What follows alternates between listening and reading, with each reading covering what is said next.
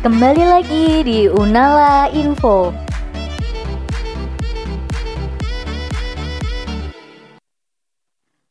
Sobat Unala, di episode sebelumnya kita sempat membahas ghosting ya.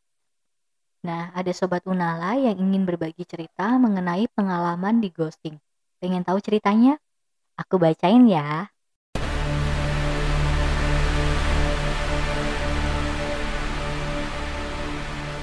Ceritanya gini. Ini dimulai dari pertemuanku dengan seseorang laki-laki. Dia kakak tingkatku di salah satu perguruan tinggi swasta di Yogyakarta. Pertemuan ini gak disengaja. Aku yang waktu itu lagi makan di kantin kampus, dan dia yang tiba-tiba datang duduk di sampingku. Kaget dong, tiba-tiba ada cowok tinggi, kulit putih, dan berkumis tipis langsung duduk di sampingku. Dia juga memesan makanan yang sama denganku semangkuk bakso. Dia sambil tersenyum padaku menawarkan makanan. Makan mbak. Oh, iya mas, monggo. Ini juga lagi makan. Dengan ekspresiku yang kayaknya kecolongan kaget-kaget seneng gitu. Nah, dari situ mulai ngobrol banyak kita mulai kenalan nama kita, jurusan, kos di mana, asli mana, dan lain-lain. Pertemuan singkat ini bagiku cukup berkesan. Yang aku nggak nyangka-nyangka, aku bisa kenal dia yang dari dulu aku sebenarnya pengen kenal.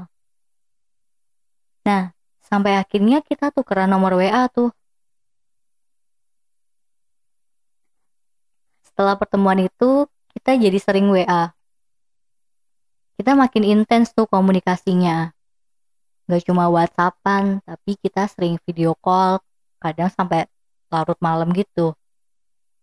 Gak cuma video call dan WhatsApp aja, sesekali kita bertemu. Kadang ketemunya cuma untuk nongkrong, ngerjain tugas bareng, atau jalan-jalan ke pantai. Kadang juga dia nemenin aku untuk belanja baju keperluan kuliah atau kebutuhan bulanan. Aku ngerasa nyaman sih jalan sama dia. Sampai aku membayangkan dia bakalan suka sama aku. Dia mengutarakan itu sih. Ya jujur, aku sendiri udah merasakan nyaman. Nah, ini bulan kedua aku dekat sama dia. dan aku masih menunggu dia mengutarakan perasaannya. Ya, ini cuma persepsiku aja sih. Aku mikirnya dia juga punya perasaan yang sama sama aku. Karena dilihat dari sikap dia dan perhatian dia selama ini. Aku mikirnya gitu sih. Namun, entah kenapa sudah seminggu terakhir dia tidak berkabar padaku. Sempat juga sih aku WhatsApp dia karena udah nggak ada kabar dan dia juga malah belum respon pesanku sampai sekarang cuma centang biru yang artinya cuma dibaca doang aku bingung sih kenapa aku akhir-akhir ini dia berperilaku kayak gitu ya sama aku padahal menurutku kita nggak ada masalah sejauh ini Gak ada konflik apa pun.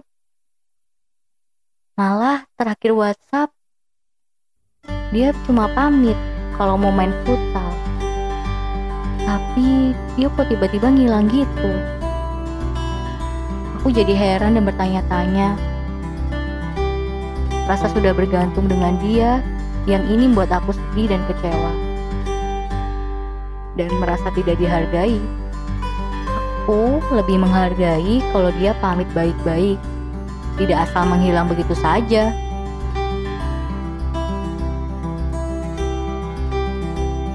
Nah, cerita tadi itu nyambung nih sama info Unala berikut.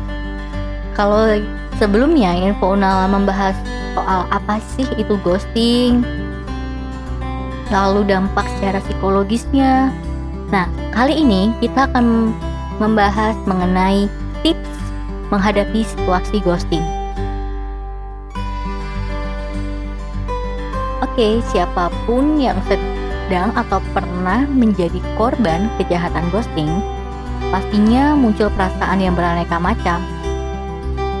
Dari sedih, galau, bingung, patah hati, dan rasa-rasa lainnya. Meluapkan beban emosional bukanlah hal yang salah, asal tidak sampai merugikan diri sendiri dan orang lain terutama untuk yang baru saja mengalami kondisi tersebut. Tenang, hal itu bukan salahmu.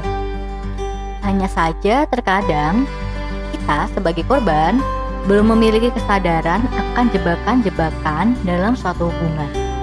Sebab kita juga tidak bisa membaca niat dan pikiran yang ada di hati maupun kepala masing-masing orang.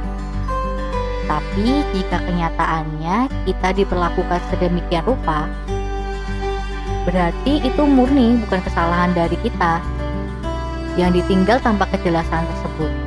Tapi itu benar-benar dia yang mengghosting kita. Ya, memang sangat menyebalkan dan tidak berperasaan.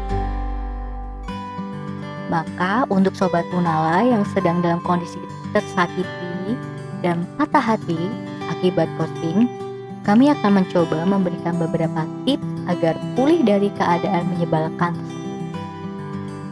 Nah, berikut merupakan kiat-kiat yang kami rangkum dari laman website tirto.id. Kamu bisa coba lakukan ya. Yang pertama, membiarkan waktu yang akan menyembuhkan. Perlahan-perlahan, kamu juga akan mencoba menerima dan memaafkan Mungkin nggak sekarang kamu bisa memaafkan situasi ini, tapi seiring waktu kamu juga akan bisa memaafkan situasi dan keadaan ini. Yang kedua, bertemu dengan orang baru. Dengan bertemu orang baru, kamu punya pengalaman baru, kamu jadi lebih terbuka karena ada oh ternyata ada orang yang bisa menerima aku juga nih sekarang. Yang ketiga, tetap berinteraksi dengan orang lain dalam lingkaran sosial. Ya, supaya kamu gak sedih-sedih terus. Ingat, kamu ini makhluk sosial. Kamu masih punya banyak teman yang mungkin juga bisa diajak hangout bareng. Yang keempat, melakukan hal-hal yang membuat perhatianmu teralihkan. Misalnya, bisa melakukan hobi-hobi yang belum sempat kamu realisasikan. Ngumpulin perangko misal, misal rawat tanaman, dek mendekor kamar, atau jadi buka usaha online shop. Ya, pokoknya yang penting perhatianmu teralihkan sih. Yang kelima, kerjakan hobi-hobi yang sempat terbengkalai. Yang keenam, mencintai diri atau self love. Nah, ini berhubungan yang pertama tadi nih. Self love berawal dari kamu bisa memaafkan dirimu sendiri dan situasi. Tentunya tidak mudah ya, setiap orang punya prosesnya masing-masing. Semangat! Yang ketujuh, ini saran dari V. Howard, seorang psikolog dan penulis. Katanya begini, gunakan energimu untuk fokus ke hal-hal yang membuatmu bahagia. Nah, jangan sedih terus ya, jadi, begitulah saran-saran yang bisa kami berikan. Keputusan untuk mencoba melakukannya maupun tidak, itu adalah hak dan pilihan masing-masing dari kita. Oke, gitu dulu ya. Kita akhiri pembahasan mengenai ghosting kali ini. Terakhir, jangan lewatkan info Unala berikutnya. Sampai jumpa sobat.